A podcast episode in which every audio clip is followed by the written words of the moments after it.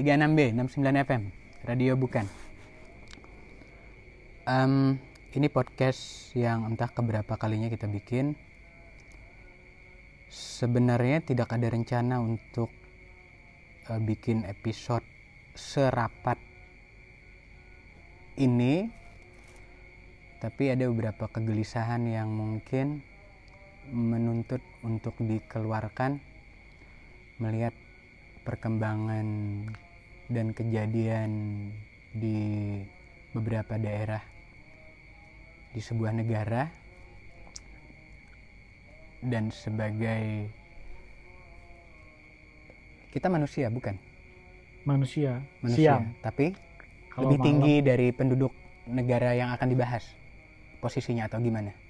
Eh, saya kadang suka bingung pak menempatkan diri ini pak. Korban aja pak Oh, seperti iya. biasa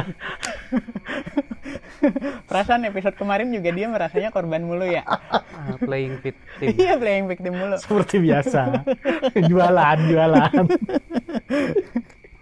Ya Allah ya Robi, lindungi saya dari korban ya Allah. Jadi em, bulan-bulan ini sebenarnya salah satu yang yang bikin yang bikin gerah sih. Tadi barusan baca di salah satu status orang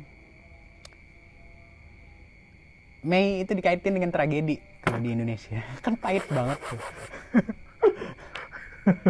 Apalah Virgo ya kan? Apalah Libra?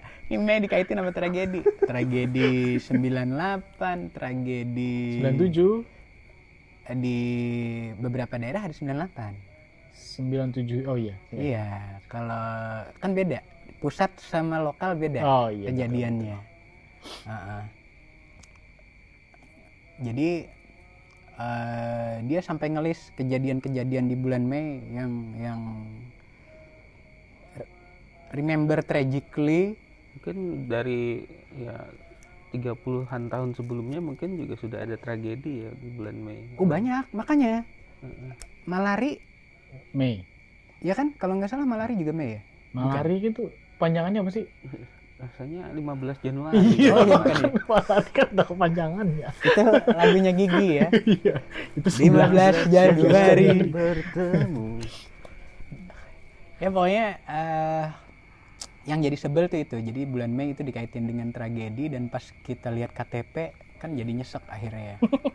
Karena beberapa tokoh besar yang membawa perubahan signifikan negara itu juga lahir dia lahir di bulan Mei bulan juga Mei. membawa keindahan justru beberapa tokoh itu Mungkin- banyak lagu bagus tercipta ya kan album terbaik film-film film itu di bulan Mei. Jadi intinya kita mau bahas apa nih Pak? Ini Pak. eh yang terbaru aja deh ya berarti ya Hmm. Yang lagi rame itu kejadian di Jakarta Oke.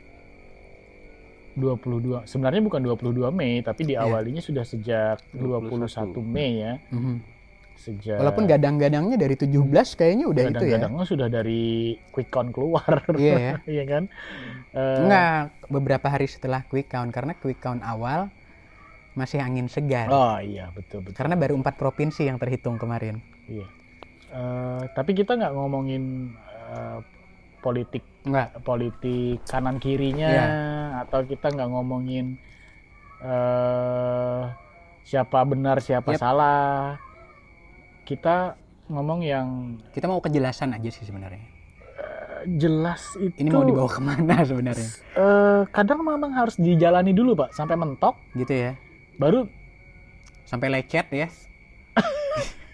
Enggak, maksudnya hubungannya hubungan yang lecet. Menyakitkan gitu ya, Iya, menyakitkan. bukan berhubungan sampai lecet, bukan. Gak usah diperjelas juga kan Pak. Perlu Pak saya. Saya terintimidasi kalau sudah begitu. Ter Terintimidasi. ter meng Mang Dasi aja di Iya. eh Dasi aja dipiktimin. ter oh iya oke jadi eh, 21 Mei 21 Mei 22 Mei 23 Mei itu sempat rame Mm-mm. di media baik media massa maupun media sosial, Mm. Media online. media online. Eh, peristiwa di Jakarta Mhm. ketika ada aksi Itu bikin rusuh juga tuh Pak kayaknya Pak. demonstrasi ini Daud, mau kawin ya? Daud. Mau kawin ya?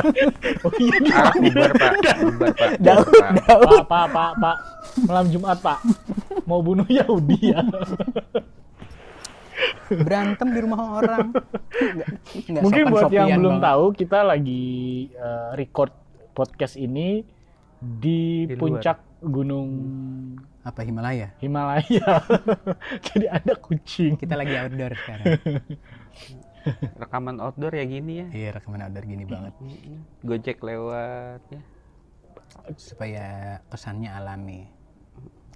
Jadi 21, 22, 23 Ada kejadian eh, aksi apa demo yang awalnya diniatkan kan eh, aksi unjuk rasa damai. Oke. untuk eh, memprotes dalam tanda kutip menurut satu pihak Oke. ada kecurangan-kecurangan di pemilu kita kemarin Oke, di proses di eh, proses penghitungan suara. Tapi kita nggak membahas eh, kita nggak membahas apa ada benar kecurangan atau Iya. tidak, tapi lebih ke kok bisa sampai aksi yang yang awalnya diniatkan damai itu Mhm. Eh, mengakibatkan korban jiwa dan korban material yang Sebenarnya tidak perlu ya. seharusnya tidak perlu dan benar-benar di luar di luar dugaan ya karena eh, aparat juga sudah bersiap kan sebenarnya karena karena memang tadi dibilang diduga. indikasinya sudah dari sudah dari berminggu-minggu yang Hmm. lalu bahwa akan ada aksi massa itu kan. Nah, eh, mungkin yang menarik dari sisi kita yang kita kan nggak di Jakarta Iya, nih. kita berada jauh Kita dari berada titik jauh dari titik api. eh, kejadian. Mm-mm. Pertama, dampaknya pemberitaan itu dan kejadian itu ke ke kita yang yang di luar Jakarta itu seperti apa? Dampak mentalnya ya, Iya. dampak mentalnya. Dan yang kedua mungkin kita baik secara personal maupun secara eh, emosional. Emosional dan bagian dari masyarakat sosial apa sih yang bisa kita lakukan untuk agar tidak tidak semakin buruk dan eh, tidak semakin buruk dan justru kalau bisa ada perbaikan ada perbaikan bahwa Oke. Harus difahami nantinya ujung-ujungnya kan kita pengennya oh kadang ternyata berbeda pendapat itu bisa kok dilakukan tanpa harus eh, berkelahi gitu loh Oke. intinya kan seperti itu nantinya Eh tapi kita tapi ingin. kalau misalnya langsung ke sana juga kayaknya terlalu jauh juga pak. Soalnya saat kita bilang bahwa itu adalah sesuatu yang buruk, itu kan dari sisi kita. Eh, Dari sisi kita, kita kita tidak melihat, eh bukannya tidak melihat kita, kita mungkin melupakan bahwa ada beberapa pihak yang menganggap itu adalah sebuah perjuangan. Dan logis dalam suatu perjuangan ada yang harus dikorbankan Oh. logis. Jadi maksudnya ah, sebelum kita bahas dampak, kita kita mungkin harus mundur dulu ke ke sebab apa yang terjadi, kenapa itu terjadi, terus eh, apa yang timbul dari kejadian itu. Nah dari sana mungkin apakah nanti itu akan dipandang jelek atau dipandang bagus itu ya terserah terserah kita masing-masing lah. Yang pasti eh ya coba jangan berantem di sini lah urusan rumah tangga, woi. Mana sih? Nggak tahu orang mau jadi susah banget mau famous ya. iya Kucing sampai aja nggak dukung kucing lah nggak dukung Kalau diriku sih sebenarnya karena sudah menutup diri dari dari jalur pemberitaan online atau apa pun walaupun kita tidak bisa 100% clean dari itu. Hmm. Jadi jujur sebenarnya informasi tentang apa yang terjadi tentang berapa darah yang tertumpah atau berapa kerugian kerusuhan berapa rupiah yang terhambur benar-benar benar-benar nggak tahu. Yang dirimu tangkap apa dul? Apa ya? kejadian kemarin? Penyebabnya dulu nih, gitu ya. Penyebab Iya, mungkin kita harus mundur mundur jauh ke belakang dulu. Biar- Penyebab biar mungkin bisa- yang paling utama itu ada semacam ketidakpercayaan ya. Atau justru lebih jauh lagi ada memang friksi yang sudah sangat tajam antara antara pihak yang mendukung pemerintah dan yang oke pihak A, pihak B lah ya. ah, yang tidak mendukung pemerintah misalnya seperti Ah. itu. Nggak berarti kalau misalnya di kalau kita kita gamblang aja deh. Jadi titik J apa zero pointnya kan kita ambil pemilu nih ya kan. Hmm. Kita ambil pemilu zero pointnya. Dari pemilu eh, karena pemilu adalah proses pengumpulan suara untuk pilihan tertentu. Artinya setelah penghitungan kan berarti ada hasil. Nah, dalam proses penghitungan sudah ada gejolak yang terjadi ya kan. Pemilu kemarin tanggal berapa sih? Secara golput nih 17 jadi kurang April. hafal. 17 April berarti sudah lebih satu bulan ya. Iya. Nah, pasca 17 April itu kalau saya lihat padahal harapannya dulu setelah pencoblosan tuh udah bisa adem, Iya, udah bisa adem iya. ya kan. Kita udah udah capek banget dengan dengan dengan gondok-gondokan dengan hoax yang saling menjatuhkan. Tapi ternyata di proses penghitungan sendiri gejolaknya bukannya selesai tapi melebar ke sana kemari justru. Mhm. Jadi eh menarik ya, maksudnya yang menarik ini gini. Kadang kita saking seringnya melihat negatifnya eh, politik Oke. eh, dan pemilihan umum di Indonesia, Aha. kita lupa bahwa ada banyak sekali hal keren di proses demokrasi kita. Jadi saya barusan baca eh, tweetnya wartawan ABC. Mhm. ABC itu yang apa sirup kantor? sirup. Ah, bukan. ABC itu kecap. Oh iya. baterai baterai. Oh iya. nah kalau banyak orang begini kan kita bisa tahu produk apa saja. kantor beritanya Australia, ABC itu ya, Australia. Australia. Kalau BBC Inggris ya. Inggris ya. Jadi dia Nanti bilang SBC. bahwa eh, di Indonesia sekarang hasil pemilu yang diumumkan KPU 21 Mei kemarin selisih suara antara calon A dan calon B yang menentukan kemenangan itu adalah 17 atau 18 juta suara. Oke. 17 atau 18 juta suara selisih yang menentukan kemenangan. Oke. Secara persentase itu berapa? Eh, 11 persen, kira-kira 11 Oke. persen. Yang jadi eh, fokusnya si wartawan ABC ini adalah tuj- 17 juta suara itu adalah jumlah total pemilih Australia. What? Bayangkan What? besarnya pemilihan Hmm. umum Indonesia Mm-mm.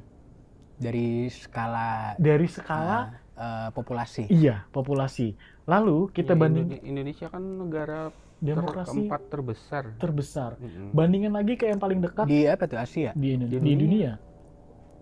Kita bandingkan lagi dengan. India. Mm-mm. India dengan populasinya yang eh, satu miliar. satu Tunggu India miliar. sama Indonesia gedean mana? Indone- India. eh, India. Indi- Oke. India satu miliar. China, kita- India, Amerika, Indonesia. Iya. Mhm.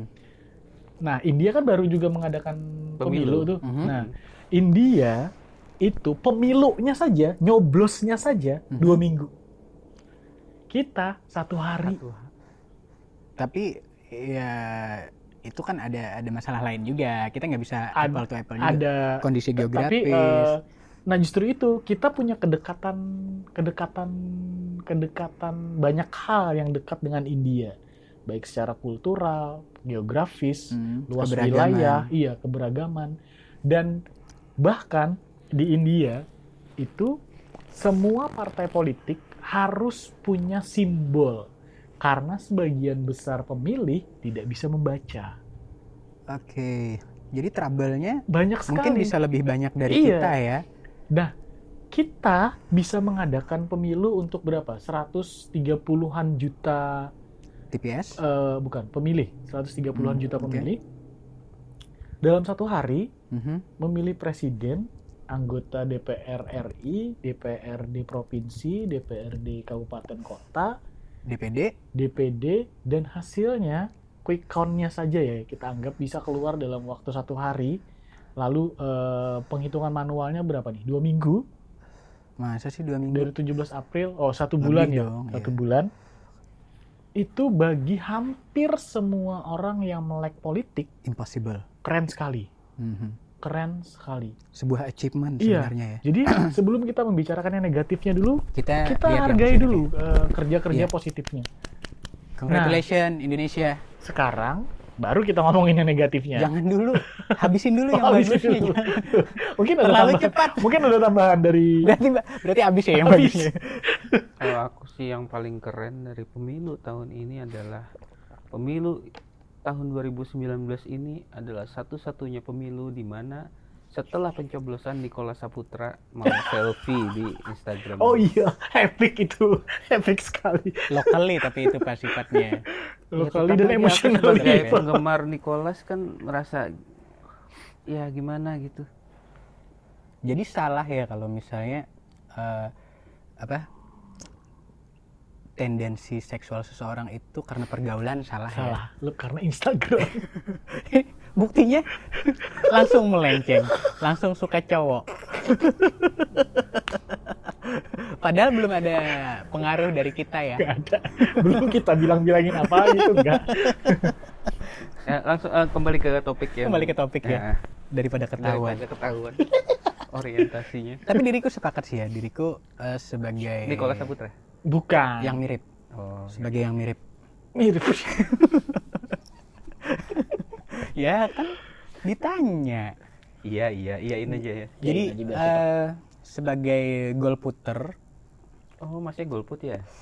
eh kan kita bicara konteksnya tadi 17 April Hmm. oh ya 17 April golputer kalau misalnya pengert eh tapi ini pengertian golputer sebagai tidak nyoblos ya bahwa diriku memberikan dukungan emosional atau punya Kecenderungan politik. tendensi Iya. politik ke mana itu itu pasti karena eh politik itu itu kan bagian dari kehidupan, Kehidupan, sehari-hari kita juga.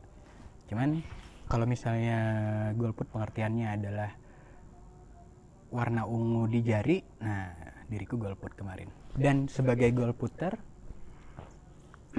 diriku sepakat sih bahwa yang terjadi di 17 April kemarin keren. Diriku sepakat itu. Dan baru sadar juga bahwa ternyata dibandingkan dengan Australia, dibandingkan dengan India, kita punya banyak hal positif yang yang sangat membanggakan sebenarnya. Membanggakannya adalah partisipasi kita dalam berpolitik. Akhirnya Iya.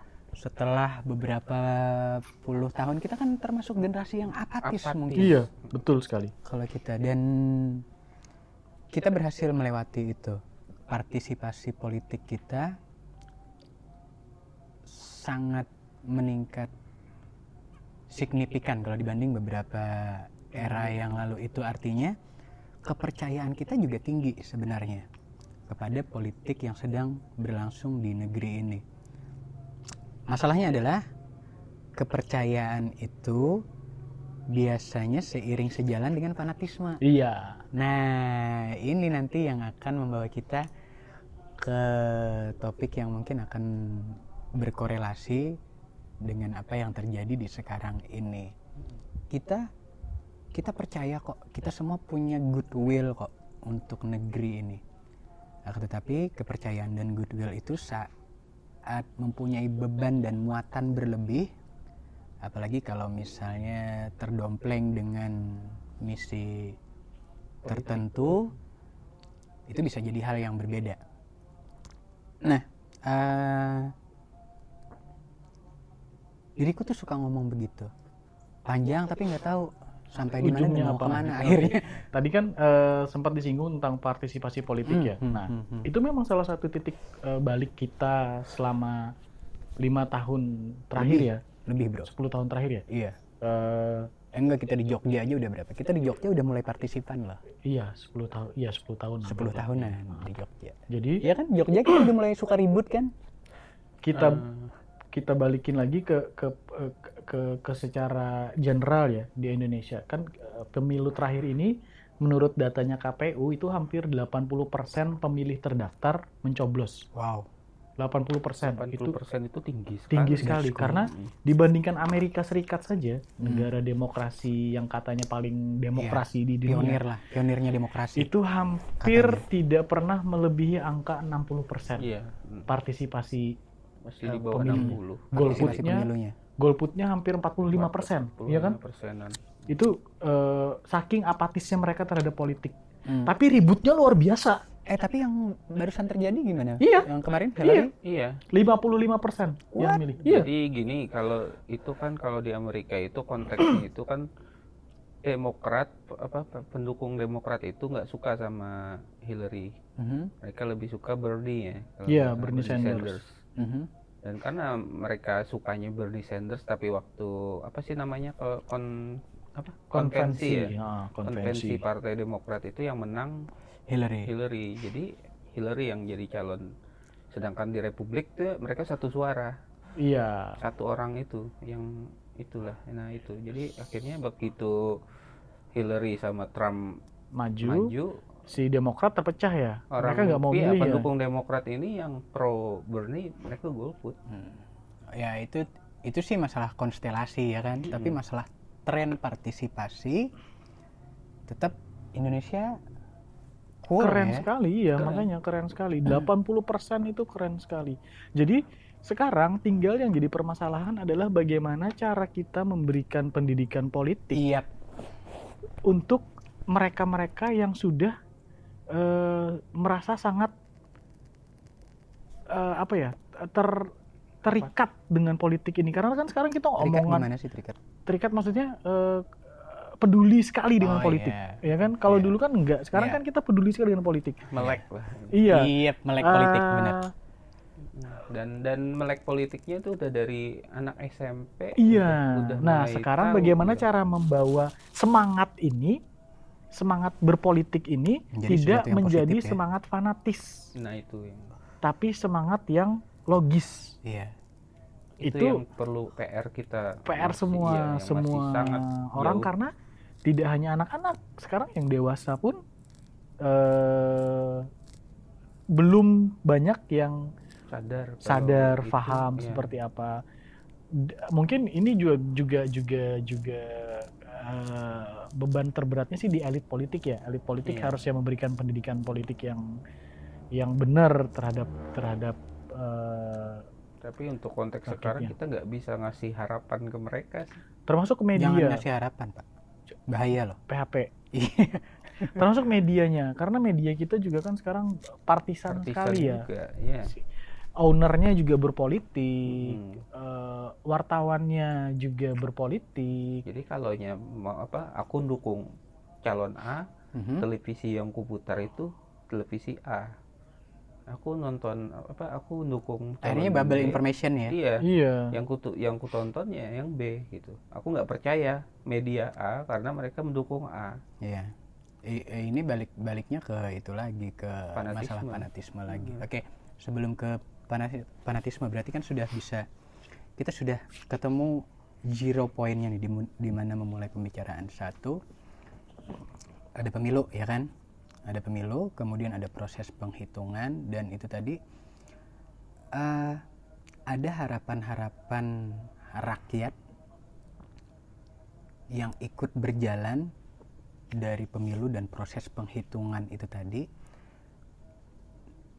dan harapan-harapan itulah kemudian yang melahirkan beberapa kejadian sekarang ini ya kan Iya. bisa jadi karena harapan itu dipolitisir bisa jadi karena harapan itu dibiaskan bisa jadi karena harapan itu diatasnamakan ya kan karena eh, beberapa saat setelah quick count kemarin mulai ramai apalagi setelah ada komparasi dengan real count Mhm. yang belum selesai Sudah selesai.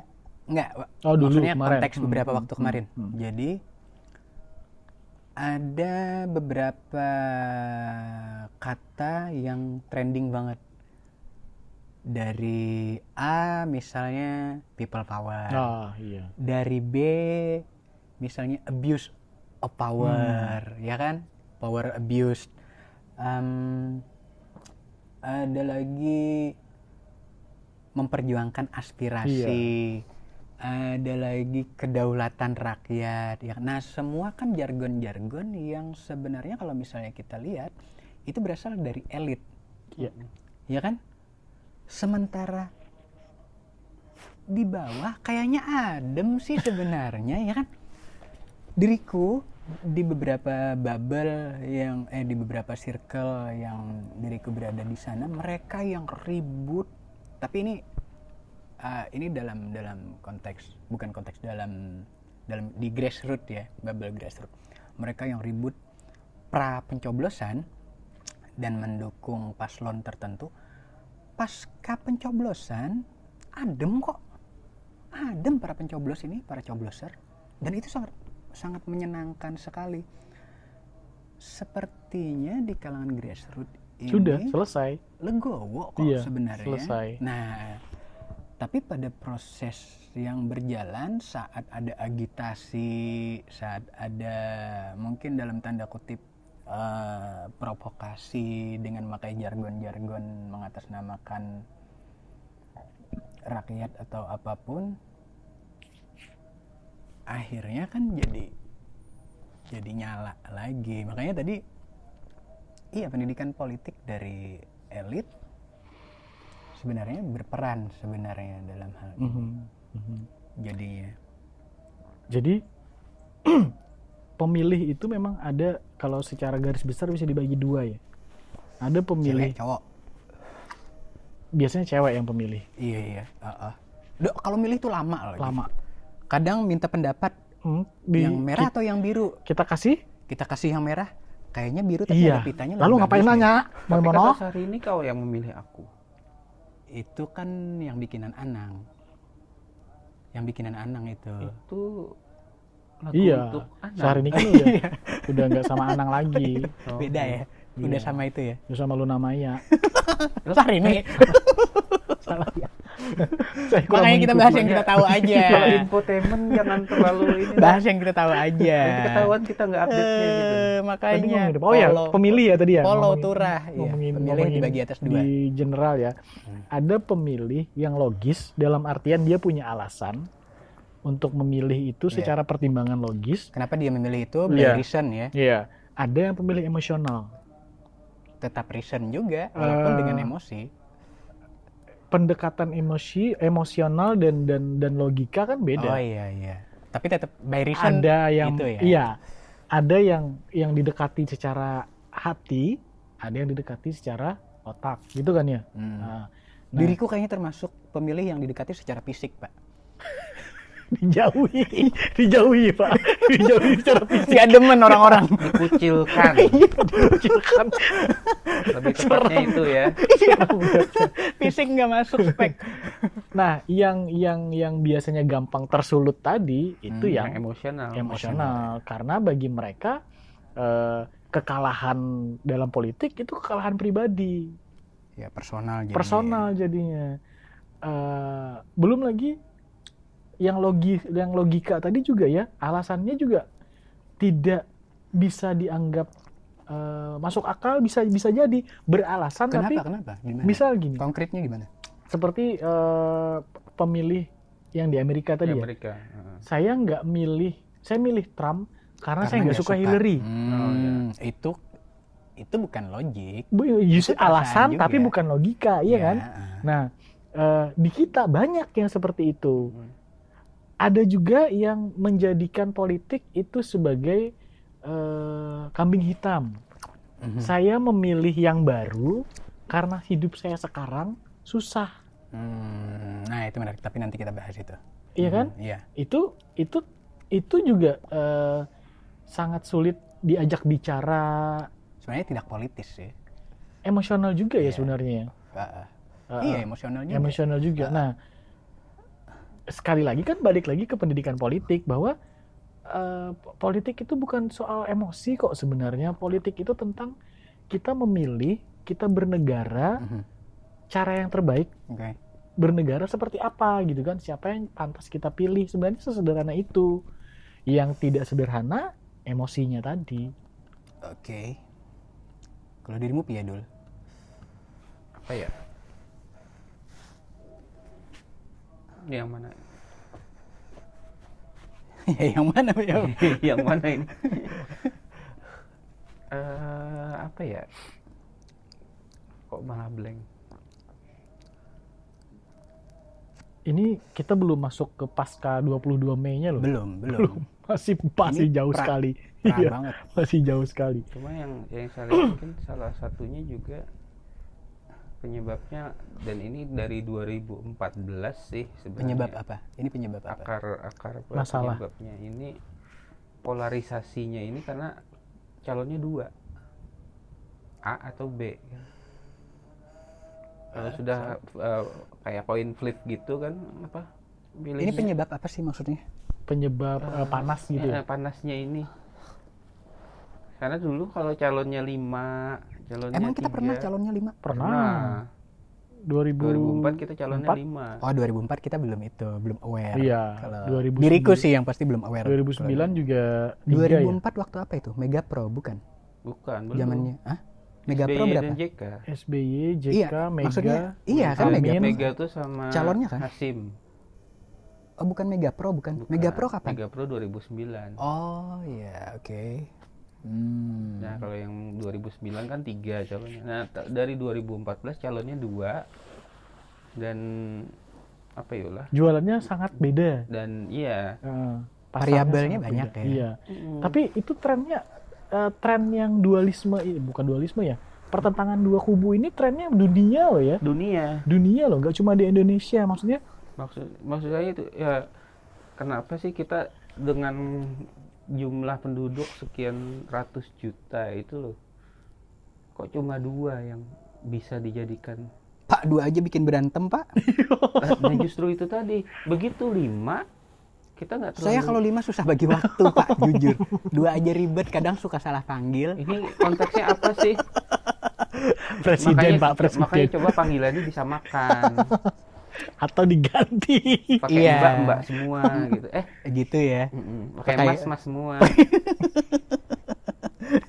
yang susah tuh kalau hanya mas dan mbak ya Jadi pernah di di satu masa diriku nggak pakai panggilan. Eh eh aja. Takut salah pak. eh eh gitu aja ya eh eh eh Takut salah. Jadi nggak usah panggil, tinggal elus doang gitu. Takut salah. Ini pemilih yang katanya dengan tadi jangan bahas personal Iya, kok dia, malah dia mem- sendiri. Loh, membongkar ini bukan personal pak, kan lima. kalau personal, kalau personal satu. Grup. ini grup ya Jadi eh, tapi kembali bahwa memang kegagalan mungkin kegagalan terbesar dari kita melihat apa yang terjadi ini. Kalau diriku sih ya, kalau diriku menyimpulkannya adalah kegala- kegagalan terbesar kita selama ini adalah pendidikan politik yang tidak pernah dijalankan dari dulu sampai sekarang.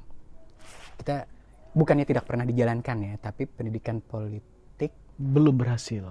belum en- entah mereka sudah menjalankan tapi dengan cara yang tidak terdidik, Setengah hati. iya kan? Mm-mm. Eh, Apa yang dilakukan elit itu kan jadi contoh dong, dan itu adalah pendidikan. Hanya mungkin itu termasuk contoh yang tidak patut ditiru mungkin loh ya. Berarti kan itu pendidikan politik juga. Hmm. mendidik orang bahwa ini cara yang salah maksudnya begitu. Nah, eh, kalau diriku melihatnya sih ada kegagalan pendidikan politik yang terjadi kalau kalau diriku melihat sih. Iya, betul. Karena eh, mungkin memang ada pihak-pihak yang merasa akan lebih mudah berpolitik kalau eh, pemilihnya Bego. tidak iya tidak begitu paham politik. Itu satu. Yang kedua, dan kemudian itu dipertahankan. ya. iya status quo. Hmm. Yang kedua, memang secara umum hampir semua aspek di pendidikan kita ya masih sangat banyak yang harus dikejar. Oke. Literasi politik, literasi media, literasi eh, apa lagi? eh, internetnya. Banyak sekali yang masih harus harus kita kejar. Tidak cuma untuk generasi muda, bahkan orang-orang tuanya masih banyak perlu belajar.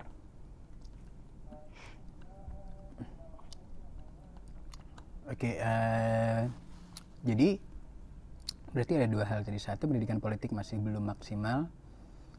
Kemudian ada yang memang mengkondisikan eh, target politik ini atau partisipan politik untuk tetap berada di titik Iya. yang bisa dimanfaatkan. Berarti itu. Contoh itu paling ya. sederhananya adalah money politik. Ini kita nggak bicara pemilihan presiden ya, Oke. kita Kita- pemilihan ah. lokal aja. Mm-mm. eh, masih banyak sekali memang pemilih kita yang pertimbangan memilihnya adalah siapa yang banyak ngasih. Iya. Tanya aja eh, orang-orang dekat kita. berhamburan kok cerita tentang itu. Iya. Dan itu celakanya dianggap biasa, biasa dianggap wajar. Sesuatu yang tiap rutin Iya. malah ditunggu Malah ditunggu. Itu kan sangat berbahaya sekali. Iya. Serangan pajar sekarang jadi jargon yang normal. iya, iya, banget. udah biasa banget kita nunggu serangan pajar aja biasa banget. Jadi bahan bercandaan yang Mm-mm. kayak kecoa lewat tapi nggak ganggu gitu ya.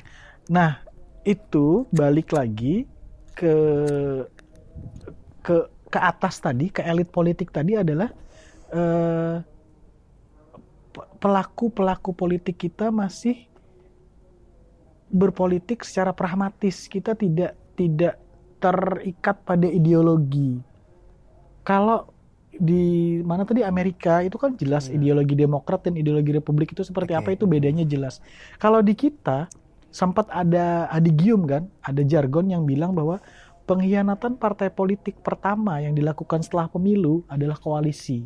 Hmm, karena di situ ada kompromi. Ada kompromi. ya, Ketik- ketika kita sebagai pemilih bertempur di bawah, aku Iya. milih partai ini, Iya, partai ini, iya. partai ini, partai ini karena dia ini, ini, ini, Iya. sia-sia. Dan- ah, ah. Iya, di atasnya Di atasnya dong. akhirnya mereka pragmatis dong. Iya. Harus Akhirnya, ya koalisi. kita lihat kan kita apa sih be- bedanya misalnya partai ini partai A sama Uh-uh. partai B itu bedanya apa sih Iya, nggak ada yang signifikan Enggak bisa bedanya membedakan ada waktu campaign. justru itu. justru waktu kampanye itu isi kampanyenya sama semua Iya. gitu ya.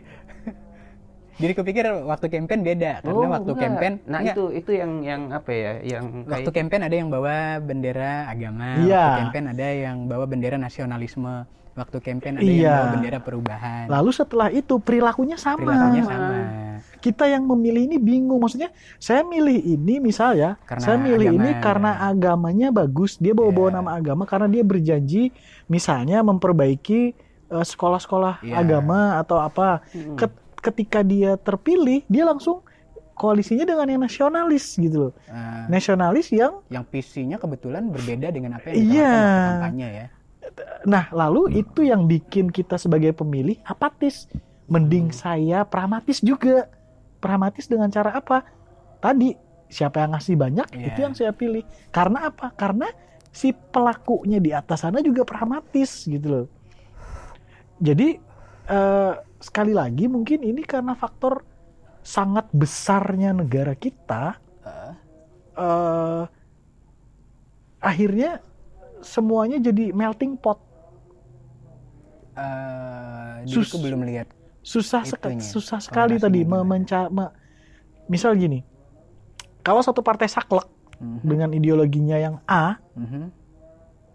dia nggak punya teman dia nggak punya teman Dan mungkin cuma bisa menang di Aceh misalnya, Iya. tapi nggak bisa menang di daerah iya timur. akhirnya Sedangkan di target kan nasional Hmm, Ah, ah, misalnya sense. partai ini eh, di sini jualannya eh, kami akan memperjuangkan agama Ah, dia di tempat lain mengajukan calon kepala daerah beda, beda agama nggak masalah Ah, karena di tempat lain nggak bisa dia berbeda. jualannya itu iya. barang yang laku itu beda-beda di Beda-beda. tiap- Iya. tiap daerah. karena apa ya lah eh, ya itu karena Indonesia itu sebegitu luasnya dan begitu Beragamnya ya. Akhirnya antara satu daerah dengan daerah lain pola politiknya juga harus beda. beda bedakan Mm-mm. gitu Nah, berarti berarti ini makin bisa mengerucut. Eh, satu pendidikan politik masih belum membawa pemilih kepada aktivitas memilih dengan logis. Yang kedua berarti adalah Pragmatis Bah- bukan. politik itu bukan. politik diartikan hanya sebatas kekuasaan dan demokrasilah sebagai alat Iya. untuk mencapai itu. Diriku pikir itu sih, diriku pikir ada dua dua itu penyebab major yang yang yang ini banget. Mereka kita sebagai pemilih belum terdidik bagaimana berpolitik dengan baik, sementara di pihak elit atau di mereka yang berpolitik praktis juga hanya menganggap bahwa politik berarti kekuasaan dan dicapai dengan cara demokrasi. Nah, untuk berkuasa karena tujuannya adalah berkuasa bukan untuk membangun negara ke arah yang lebih baik. Jadinya jalan yang ditempuh juga berbeda akhirnya.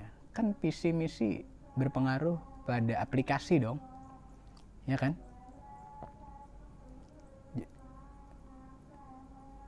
Nah, ribut-ribut sekarang kan karena ada beberapa politik praktis yang menganggap kalau misalnya tidak diperjuangkan maka kekuasaannya gagal. Iya. Sementara pihak yang satu kalau tidak melakukan sesuatu maka keku- kekuasaannya terganggu. itu itu mungkin yang jadi yang jadi garis besarnya atas atas apa yang terjadi di di sekarang ini gimana Eh, Ya memang politik sih tu- tujuan utamanya memang berkuasa, memperoleh kekuasaan. iya Apa yang dilakukan setelah berkuasa itu yang itu yang lebih penting yang lebih penting kan sebenarnya. hmm. Eh, dan kadang karena memang sejarah dan kultur kita juga masih membawa pemahaman yang namanya pemimpin itu raja. Konsep patron and klien. Iya, konsep patron dan klien itu lalu akhirnya eh, membawa pemahaman politik modern agak sedikit ada resistensi, ya ada sedikit resistensi. karena secara mental ini sudah membatu ya. Iya, jadi sudah jadi way of life ah, ah. dan dan itu dampaknya kan ke mana-mana. Ketika akhirnya banyak sekali politik dinasti misalnya, anaknya mantan penguasa, di mana korelasinya antara itu patron tadi dia sudah membina apa ya bahwa rumah tangga. Sepuluh tahun ini ini nih sudah. pemimpin pemimpin pemimpin yang bukan dipilih karena uh, kapasitas dari rakyat. Iya tapi karena ada terah ya. Eh, darahnya memang darah pemimpin nih. Itu kan bukan darah muda. tid- yang Darah kan gitu ya, di muda. suatu daerah misalnya ya. Mhm. orang tuanya jadi apa gubernur misalnya atau bupati gitu? ya kepala daerah lah. Kepala daerah. Kemudian terkena kasus Korup. korupsi. Mm-mm. maka dia dijatuhkan lah hasilnya, atau apa ditangkap di penjara dan kekuasaan kan mau nggak mau harus ada yang ada meneruskan yang meneruskan. Yang meneruskan? Anaknya? Anaknya. Istrinya. Dan an- ya. atau istri kroni deh kroni. Atau nggak usah istri. Eh, Iya. kroni lah pokoknya.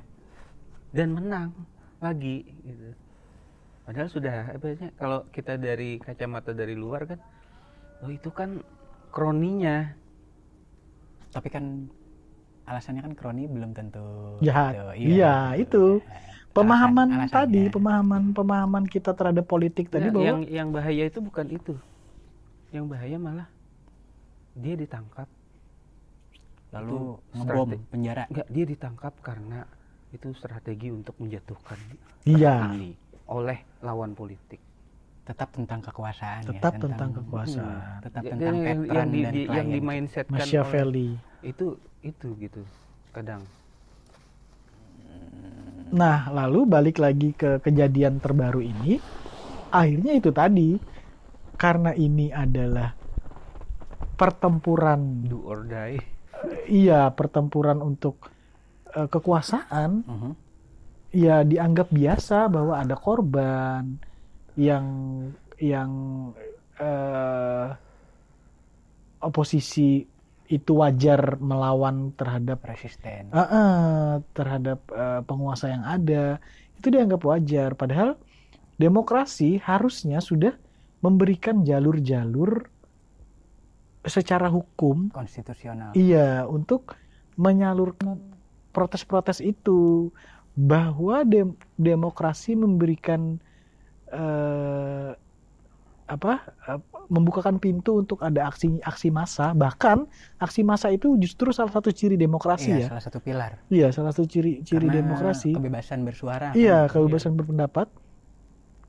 Tidak berarti eh, kita membolehkan aksi pengerusakan atau yang merugikan orang lain atas nama kebebasan berpendapat tadi. iya Saya suka gini, contoh contohnya gini. Misal kita lagi nonton di bioskop. Wah, asik nih seru nih Kita lagi nonton. asik nih biasanya pilih seat yang mana Pak? yang paling atas pojok ya supaya yang belakang nggak kelihatan. pojok ya iya, pojok.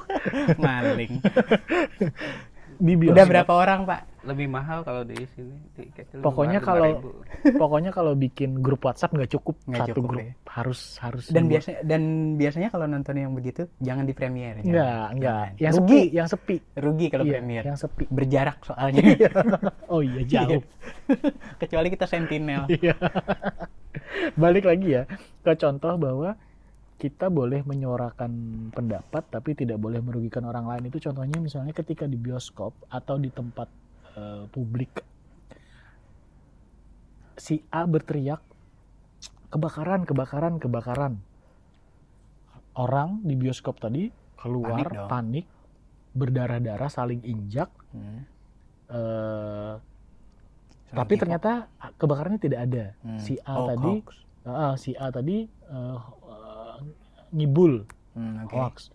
Pertanyaannya sekarang, atas nama kebebasan ber- berpendapat, bolehkah si A ini bebas dari dari Oke, dari dibenarkankah Ah, perilaku si A dari itu tadi ya? konsekuensi? Tidak dong. Oke, tidak kan? Karena dia sudah merugikan orang lain. Iya. Itu kasus Padahal yang- udah udah udah kita udah pesen seat yang paling atas udah padahal. Eh, eh, biar dong. enak tidur maksudnya, ya kan? Iya. itu kan Nah. idealnya tapi Cuma yang jadi pertanyaan juga adalah kalau misalnya ada yang berteriak api atau yang berteriak maling, yang diselidiki pertama itu bener nggak ada apinya, bener nggak ada malingnya, itu dulu. Jangan langsung nangkep yang teriak, nggak juga. Ya keburu hilang dong yang teriak. Nah, kan dilemanya di situ. Iya. Jadi ketika ada orang teriak, "Oi, api, oi, api, oi," kita cek dulu harusnya beneran ada api nggak? Oh, nggak boleh dibalas oi air oi air nggak nggak nggak bisa boleh. nanti keluar eh, Avatar. iya avatar lagi oi angin oi angin gitu ya Iya. Nanti malah teriakannya kayak orang bangunin sahur jadinya. oi tanah, oi tanah gitu ya. Nanti malah bikin itu boy band. tapi ya intinya itu jadi eh, aksi yang kemarin itu mengatasnamakan kebebasan berpendapat oke Tapi, Tapi ada koridor. ketika mereka sudah merugikan orang lain maka akan ada konsekuensi hukum dan konsekuensi lainnya di situ misal eh, mana ada orang eh, demo bawa batu misalnya ya itu mau demo apa mau bikin pagar misalnya Hmm. kan itu Atau kebelet. Biasanya kan ditaruh di saku. tapi batu bata ini pak gimana caranya Soalnya itu Pak apa? eh, sembelit. Kalau batu biasa nggak ngaruh. Harus yang besar ya. Iya mesti. Kalau tapi ini tentang itu ya tentang diriku jadi mungkin agak agak ego ya diriku diriku mau cerita sedikit tentang pemahaman demokrasi. Jadi bahwa politik sebenarnya artinya adalah kekuasaan iya. Tapi kita eh tak ya memang sih konsep hidup kita way of life kita dalam berpolitik ini masih terikat banget dengan pattern dan klien itu Mhm, tadi mhm. sehingga di kalangan grassroots ini mungkin bisa jadi poin ketiga di kalangan grassroots kita masih belum punya kemandirian bernegara Iya, betul. kemandirian bernegara. Kadang kita masih menganggap bahwa apa yang terjadi segala ketidakenakan, segala Tanggung jawab pemerintah. Iya, Hmm. karena pemimpin, Iya, tanggung jawab karena pemerintah. salah pemimpin. Pemimpin nih yang bikin Selasa Hmm. jadi rasa Jumat, misalnya pemimpin, pemimpin yang bikin eh, Selasa tidak semeriah Minggu. Itu tapi Pak juga karena salah si elitnya juga yang menjanjikan dia sebagai mesiah. Saya kalau terpilih akan menghilangkan semua penderitaan kalian. Janjinya seperti itu. Mhm. Nah, seandainya rakyatnya lebih eh, paham politik, Mhm. kita akan tahu itu janji janji yang hampir mustahil dikerjakan sendiri. Iya. Enggak, eh, jadi begini, jadi maksudnya eh diriku akhirnya jadi beberapa waktu kemarin sempat ingin me- mengabarkan pada generasi yang di bawah bahwa kita ini tidak punya kemandirian dalam bernegara dan sepanjang kita masih bergantung pada pemimpin untuk mendapatkan perbaikan itu nggak mungkin terjadi kalau dirimu ingin kampung jadi oke yang punya tanggung jawab dan harus melakukan itu adalah dirimu sendiri nggak masalah siapa presiden nggak masalah Iya. siapa yang duduk Mhm. di DPR atau apa pun nggak masalah Betul. dirimu yang bertanggung jawab jadi eh ya tapi kan kita jadinya bukan jadinya sih kita kan sekarang ini kan manja nih Mm-mm, apa-apa. kita tidak mampu berjuang lalu menyalahkan segala kekalahan ini atas orang yang memikul senjata Mhm, sendirian kan nggak mhm. fair nah kemanjaan-kemanjaan inilah yang diriku pikir sih harus harus kita perjuangkan untuk nggak ada lagi itunya dan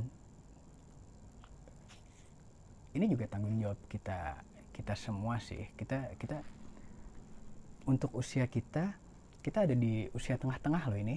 Mhm, loh yang jadi elit kan usianya di atas kita. Iya. ya kan? Sementara mereka yang masih punya banyak eh, masih memiliki rute yang panjang untuk bernegara itu adalah generasi di bawah Generasi kita. muda iya. nah sementara kita yang ada di tengah ini kadang cuma ikut-ikut ribut ya kan Iya. kita ikut-ikut ribut nunjuk di atas begini nunjuk yang perilaku si A begini Tapi nggak sementara ngajarin. kita juga tidak Iya. mengajarkan sesuatu yang Hmm. bagus kepada Hmm. yang generasi yang mereka punya tongkat estafet lebih panjang Mhm, daripada kita mhm. Iya.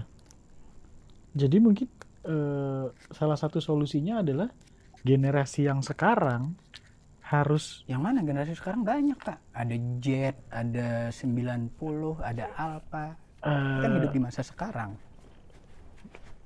Generasi tengah tadi ya, oh generasi kita pokoknya Iya. 90-an ya. Yang yang tadi kan harusnya estafetnya ke generasi tengah ya, Hmm, dari elit yang sekarang ke generasi tengah oke. baru ke bawah. Nah, mungkin ada baiknya ada pemahaman bahwa generasi tengah ini mungkin mungkin akan tidak merasakan eh, manisnya manisnya manisnya demokrasi. kemakmuran demokrasi. Karena kita mungkin harusnya menjadi tumbal ya atas penyerahan estafet eh, eh, ke tangga berikutnya ya. Ibaratnya iya ibaratnya tadi ya kita mencari kita menjadi ba- injakan, Hmm. batu injakan bagi eh, perbaikan yang akan dilakukan oleh generasi berikutnya. Itu mungkin yang bisa jadi solusi. Tapi ya diperlukan ketidakegoisan yang sangat sangat tinggi sekali untuk bisa seperti itu. Dan ini karakter Golden Boy itu bahan yang bagus banget untuk menjadi tidak egois sebenarnya. Kita lebih memikirkan kebermanfaatan dan kebahagiaan orang lain. lebih banyak berbagi Iya, lebih banyak membagi, Pak. Lebih banyak membagi. Dan secara diam-diam lah itu nggak ria. Kalau ria biru-biru muka, Diajar, diajar warga. darah-darah Pak kita. Oke, jadi nah sebenarnya jadinya ini justru membuat pembicaraan kita menjadi lebih tidak tendensius akhirnya. Hmm. Kita tidak akan bahas eh, walaupun jadinya melenceng ya. Kubu A Tapi, atau kubu B, iya, ya. kita tidak membahas apa yang terjadi di 22 Mei secara aktivitas. Kita tidak membahas ini pada akhirnya Mhm, ya kan? mhm. kita tidak membahas siapa melakukan apa di 22 gara-gara Mei. apa Iya kan? Mm, tapi lebih ke what to do now Iya. Nah, makanya nah jadi eh oke berapa ini mungkin ini sudah hampir satu jam.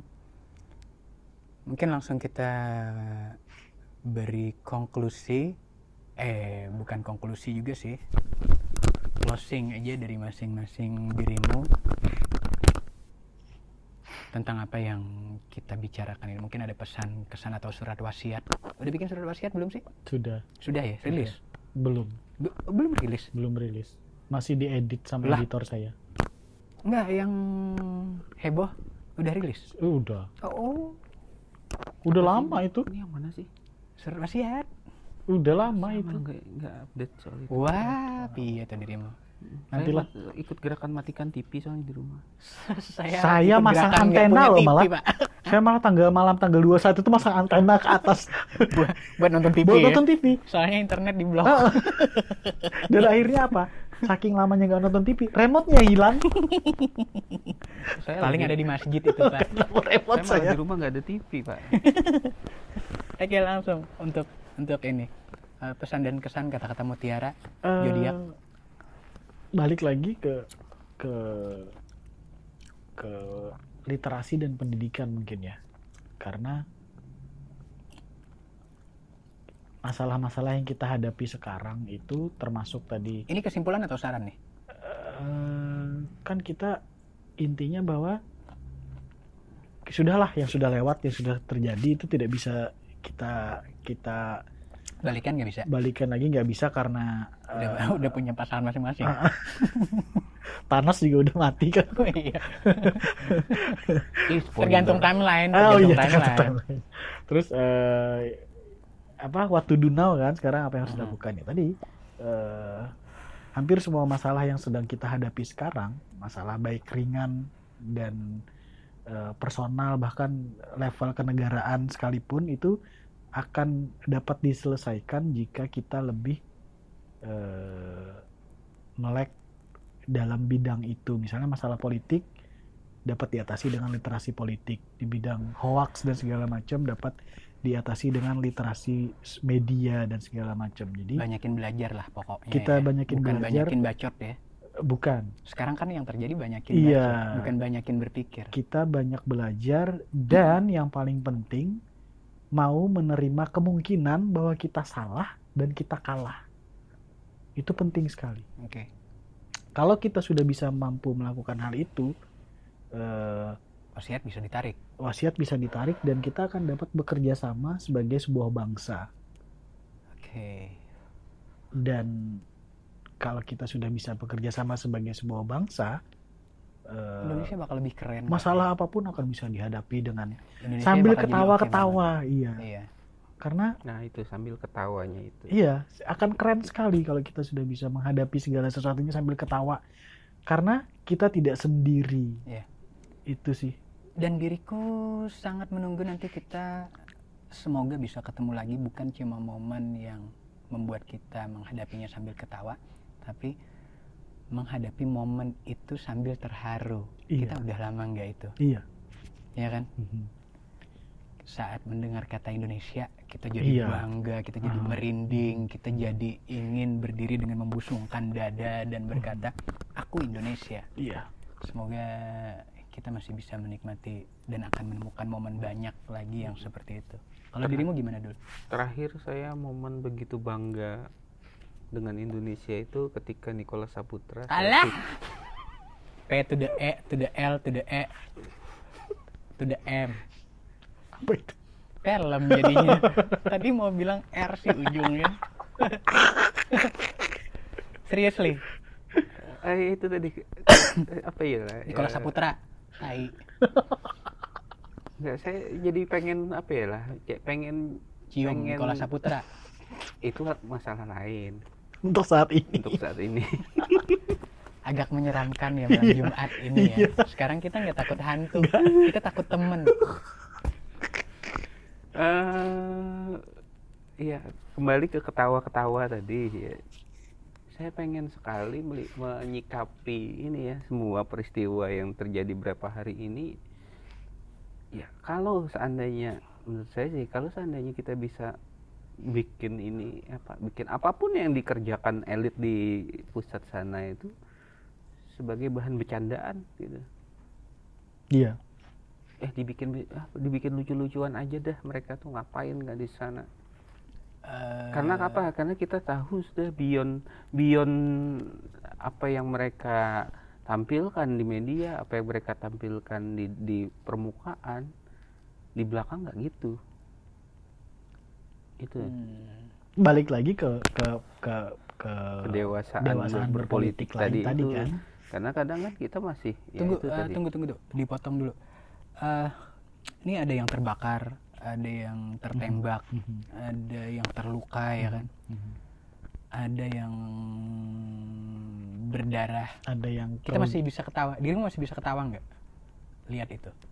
Bukan kita itunya. bukan menertawakan korban. bukan, menertawakan kita, itu. kita lihat kejadian Oh. kan ada korban, ada itu eh, gimana? kasus lain berarti ya maksudnya sudut Hmm. pandang lain bahwa itu sudut pandang bahwa ada lain. korban Hmm. iya Mm-mm. tapi perilaku politisi yang yang yang mengakibatkan itu harusnya kita tertawakan gitu loh Hmm. Aduh kalau diriku nggak bisa ketawain pak, begitu pak. Pengen dijeblosin aja udah pak. Mereka bikin bikin bikin berdarah loh, iya eh iya kan? Dan nah itu tadi ma kalau masalah jeblosinnya itu ada bukti nggak? gitu. Iya diriku lagi Nggak bawa bisa. perasaan juga. Iya. kalau Nah gitu itu ya, kalau kalau kita mau pengennya jeblos jeblosin itu tadi kita recehkan saja mending direcehkan saja perilaku mereka gitu.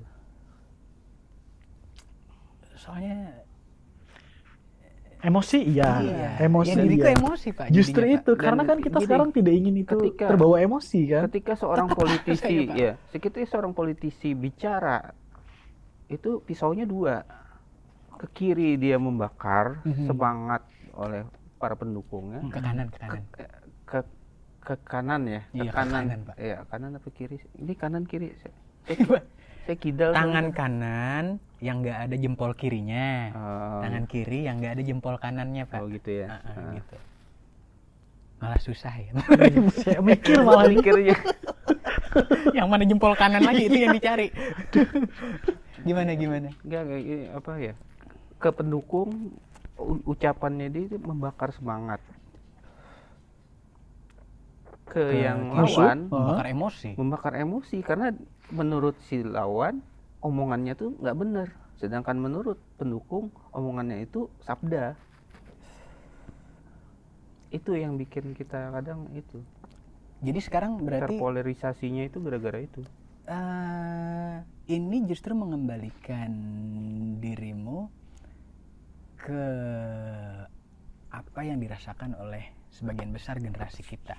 Bahwa apatis elit di atas itu ngehe semuanya ya kan recehin aja Iya. ketawain aja nggak ada yang penting kok mereka nggak ada yang nggak- akhirnya malah apatis lagi iya malah jadi begitu akhirnya bukan bukan malah be- bukan malah jadi begitu sih maksudnya jadinya tergambar suasana psikologis yang seperti itu dari generasi ya memang Kalian. tadi generasi kalian generasi tengah ya memang seperti itu sedang sedang Enggak. merasakan di, di apa ya di satu sisi kita mau mer- merecehkan itu karena Mhm. kita tahu proses politik yang berjalan itu sebenarnya ya sudah pada relnya Akan tetapi ya jadi apa yang mereka omongkan di media itu ya filler-filler aja supaya ngisi slot Aduh, Seperti makin itu makin bingung saya, Pak.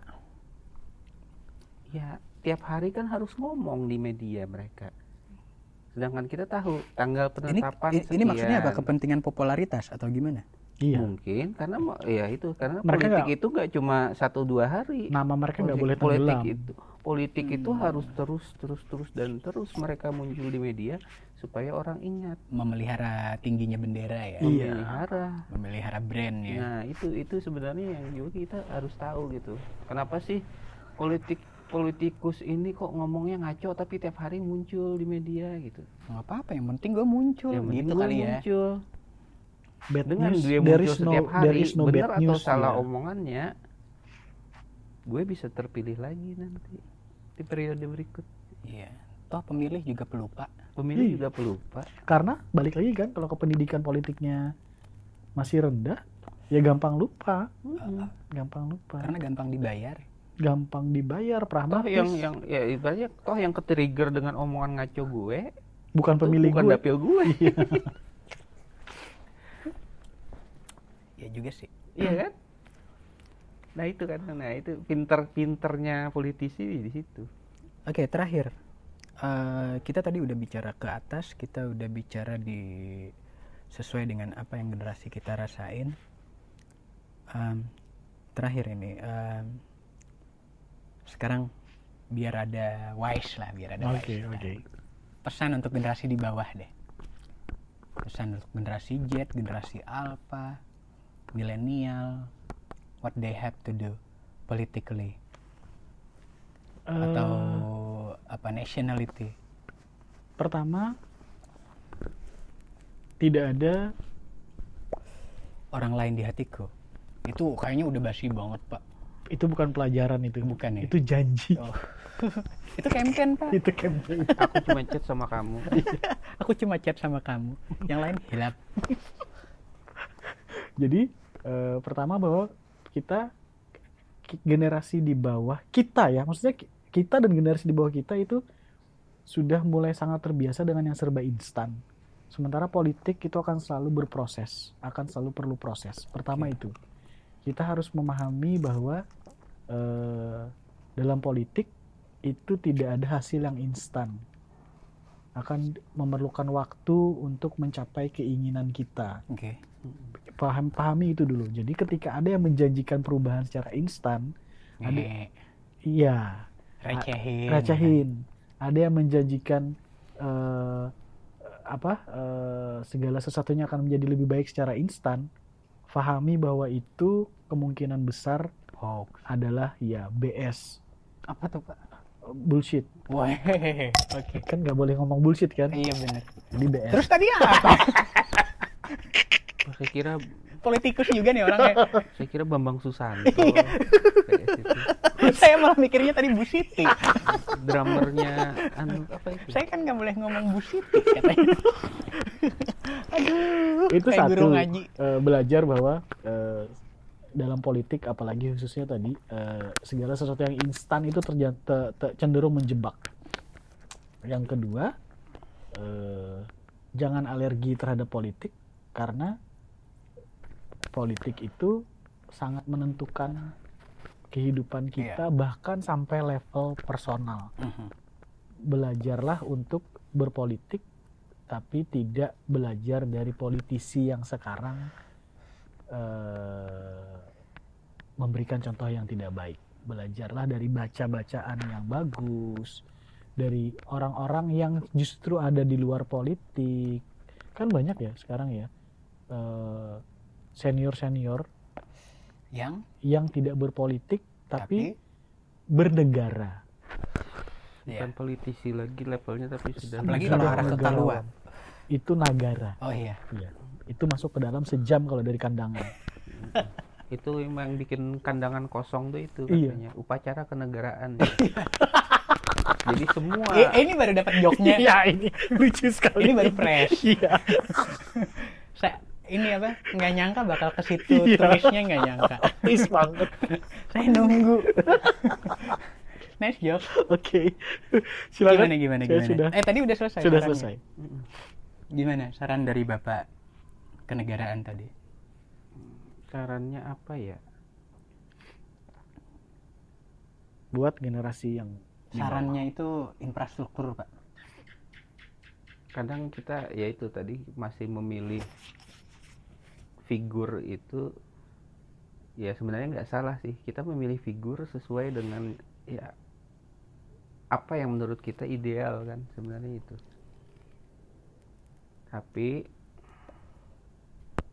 kalau menurut saya sih sebaiknya ya politisi itu harusnya diisi oleh orang-orang yang sudah selesai dengan dirinya.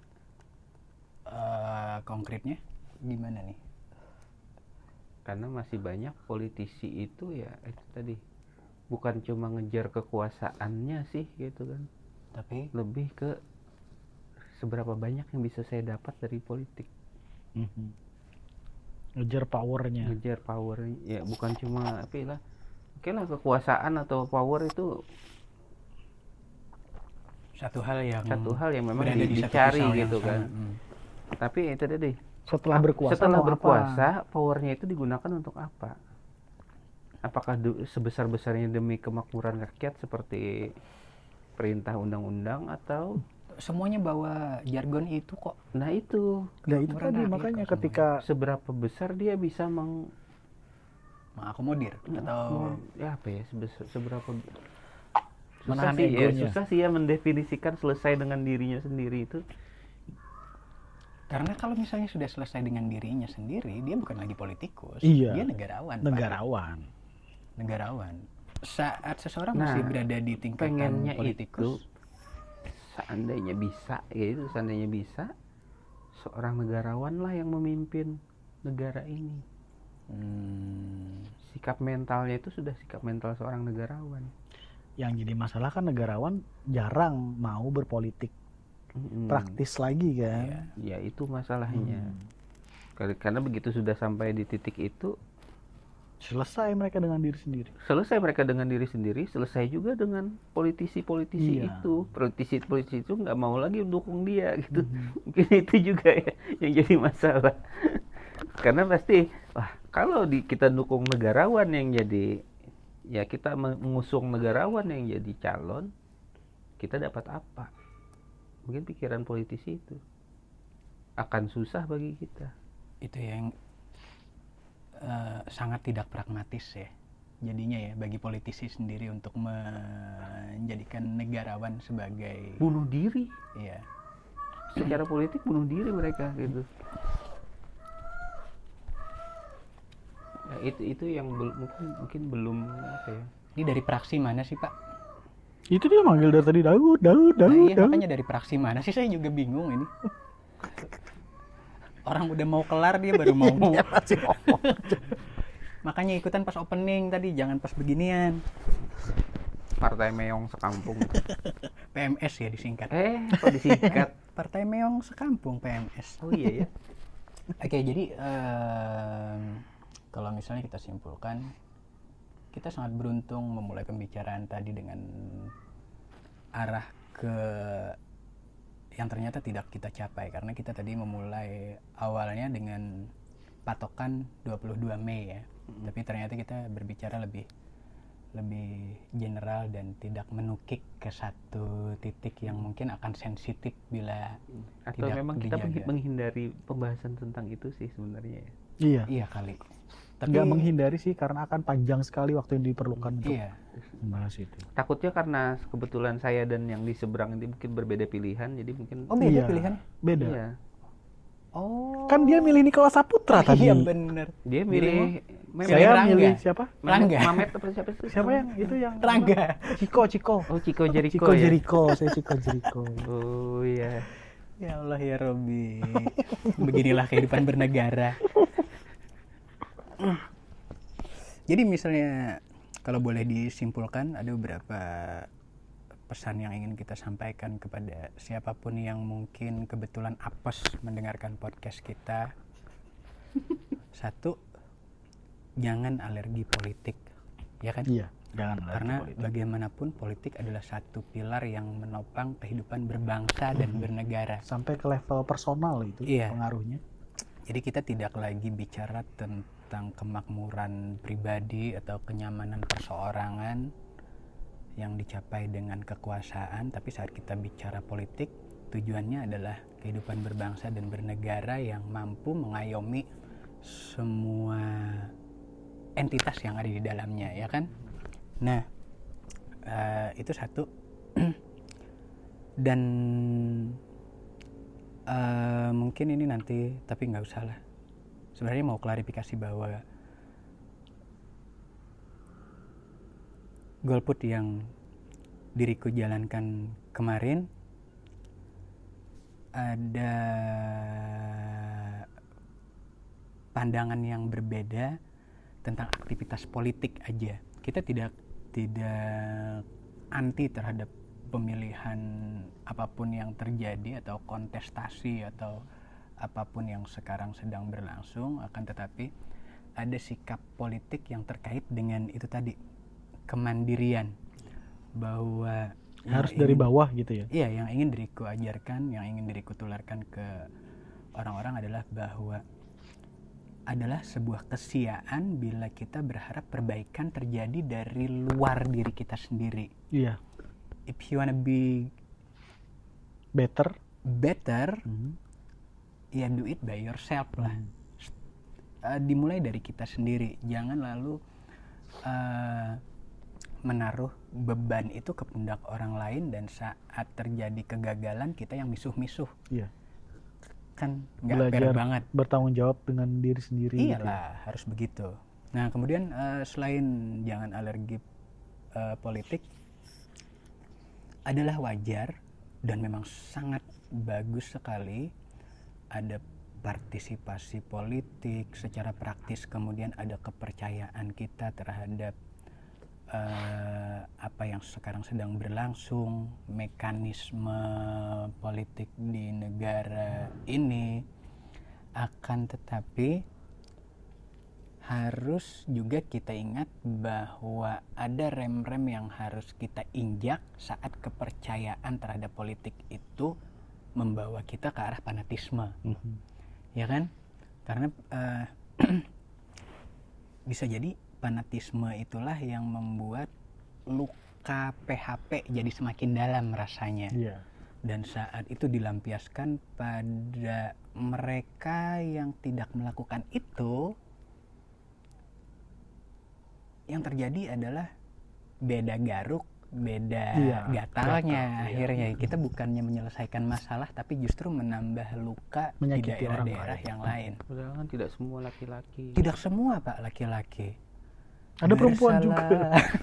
iya kita bi kok ya Allah ya Robi stop Kalian kok suka sekali mempermalukan diri sendiri. Bapak kenapa? yang menjebak Pak suka banget Pak? Bapak yang mulai menjerumuskan kita ini gimana sih Pak? Oke jadi eh, jangan alergi politik, stop fanatisme, kemudian tadi juga eh, ini mungkin kaitannya dengan kemandirian politik personal, stop politik figur ya. Ini juga kaitannya dengan fanatisme bahwa eh, figur-figur yang kita harapkan untuk bisa memperbaiki bangsa ini ke arah yang lebih baik, mereka tidak memanggul beban itu sendiri. Tapi kita juga punya tanggung jawab di bidang itu. Mm-mm. Dan em, sekali lagi terima kasih sudah mendengarkan podcast kita. Jangan lupa kita masih membuka kritik, saran atau masukan topik apa yang nanti akan dibahas di podcast kita selanjutnya. Kalau misalnya ada hal yang ingin disampaikan bisa lewat radio bukan at gmail.com atau via WhatsApp.